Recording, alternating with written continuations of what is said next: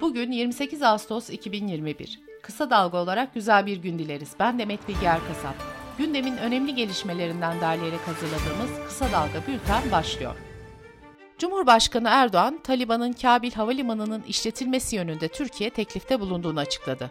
Erdoğan, Büyükelçilikte 3,5 saat görüşüldü. Henüz verilmiş bir kararımız yok. Herkes istediği eleştiriyi yapabilir, bizim kimseden izin almak gibi bir lüksümüz de yoktur dedi. Erdoğan konuşmasında Türkiye'deki Afgan göçmen sayısının 300 bin olduğunu yinelerken, Bay Kemal ve onun izinden gidenler bunu 1,5 milyon gibi açıklıyorlar. Bu yalan terörünü bir şaklaban bulmuşlar, onunla sürdürüyorlar diye konuştu. Erdoğan'ın bu sözlerine CHP lideri Kılıçdaroğlu Twitter'dan sert yanıt verdi. Kılıçdaroğlu, küfürbaz trolleri yetmemiş olacak ki kendisi bir troll gibi konuşmuş. Erdoğan ve hakaretlerini ciddiye almıyorum ancak ülkem için kaygılıyım. Erdoğan'ın öfke nöbetleri alarm veriyor dedi.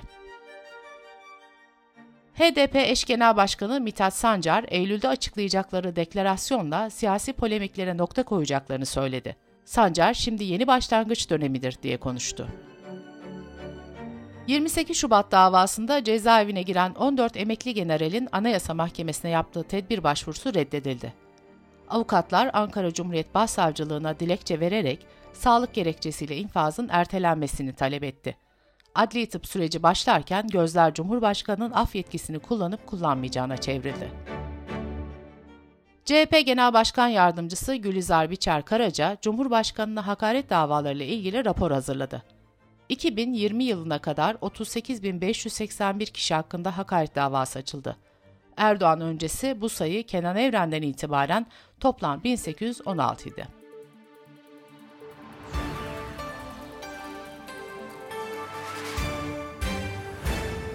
Nesli tehlike altındaki karette karettaların Akdeniz'deki en büyük yaşam alanlarından Antalya Belek'te yumurtadan çıkan 60 yavru deniz kaplumbağası bir otelin kumsala koyduğu ahşap yürüme bandının altında sıkışarak öldü.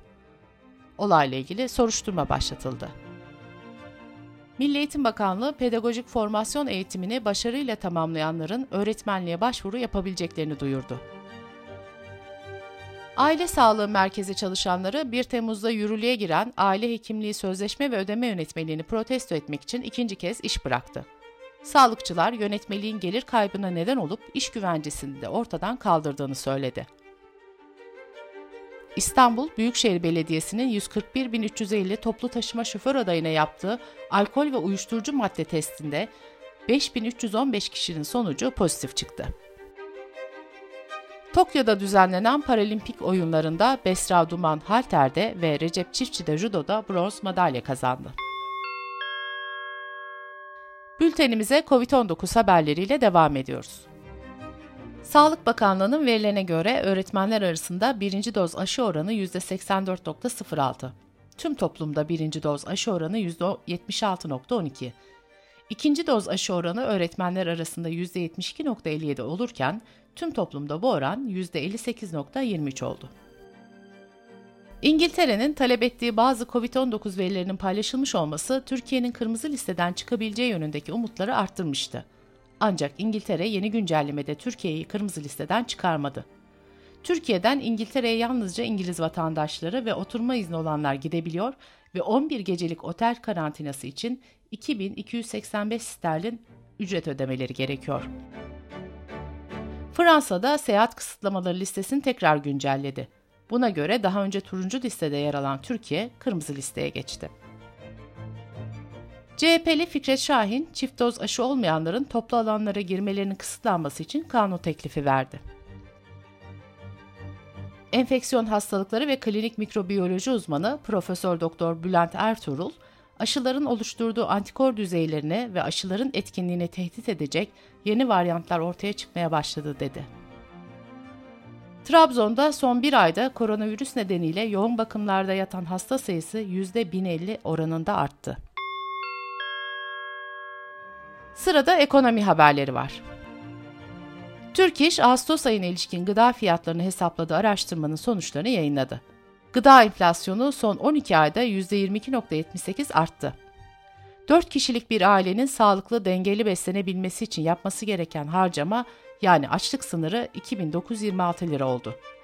Gıda harcaması ile birlikte giyim, konut, ulaşım, eğitim gibi zorunlu harcamaların toplam tutarı yani yoksulluk sınırı da 9533 lira olarak hesaplandı. Bekar bir çalışanın yaşama maliyeti ise aylık 3572 lira. Resmi gazetede yayınlanan Cumhurbaşkanı kararına göre bazı kamu alacaklarının yeniden yapılandırılması için öngörülen son başvuru ve ilk taksit ödeme süresi 31 Ağustos'tan bir ay sonrasına ertelendi.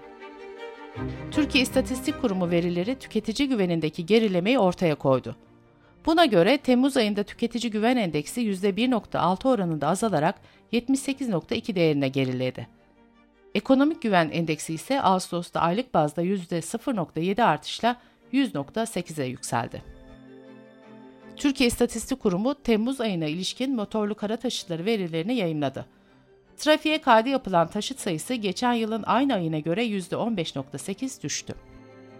Üzüm hasadı başladı. Rekoltede geçen yıla göre %40 kayıp olduğunu belirten üreticiler, kuru üzüm için taban fiyatının bu yıl en az 17-18 lira olmasını talep etti. Dış politika ve dünyadan gelişmelerle devam ediyoruz. Kabil'de önceki gün düzenlenen saldırılarda aralarında ABD askerlerinin de olduğu en az 110 kişinin öldüğü bildirildi. Saldırıları IŞİD'in Horasan kanadı üstlendi. Kabil'deki saldırıların ardından kameraların karşısına geçen ABD Başkanı Joe Biden, peşinize düşeceğiz ve size bedel ödeteceğiz diye konuştu. Kabil Havalimanı yakındaki saldırıyı en güçlü şekilde kınadıklarını duyuran Taliban ise saldırıların ülkedeki yabancı güçlerin varlığı nedeniyle yapıldığını öne sürdü. Almanya Başbakanı Merkel, teröristler ülkeden ayrılmak için havalimanı kapısında bekleyen insanları hedef aldı. Bu insanlar özgürlük istiyordu, güvenlik istiyordu. Bu nedenle onlara yapılan saldırı çok alçakça bir saldırıdır dedi. Türkiye Dışişleri Bakanlığı Kabil'deki saldırıları en güçlü şekilde kınadıklarını açıkladı. Kremlin sözcüsü Peskov ise Afganistan'da tehlike seviyesinin herkes için hala çok yüksek olduğu uyarısında bulundu. Ermenistan Başbakanı Paşinyan, Türk kamuoyundan bazı net olumlu sinyaller alıyoruz. Bu olumlu sinyallere olumlu sinyallerle cevap vereceğiz dedi. Bültenimizi kısa dalgadan bir öneriyle bitiriyoruz. Pervin Metin, Kontrast programında sanatçı Ahmet Güneştekin'le yerelden evrensele uzanan başarı öyküsünü, politik sanat yapıyor eleştirilerini, beyaz Kürt yakıştırmasını ve Türkiye hallerini konuşuyor. Kısa Dalga.net adresimizden ve podcast platformlarından dinleyebilirsiniz. Gözünüz kulağınız bizde olsun. Kısa Dalga Medya.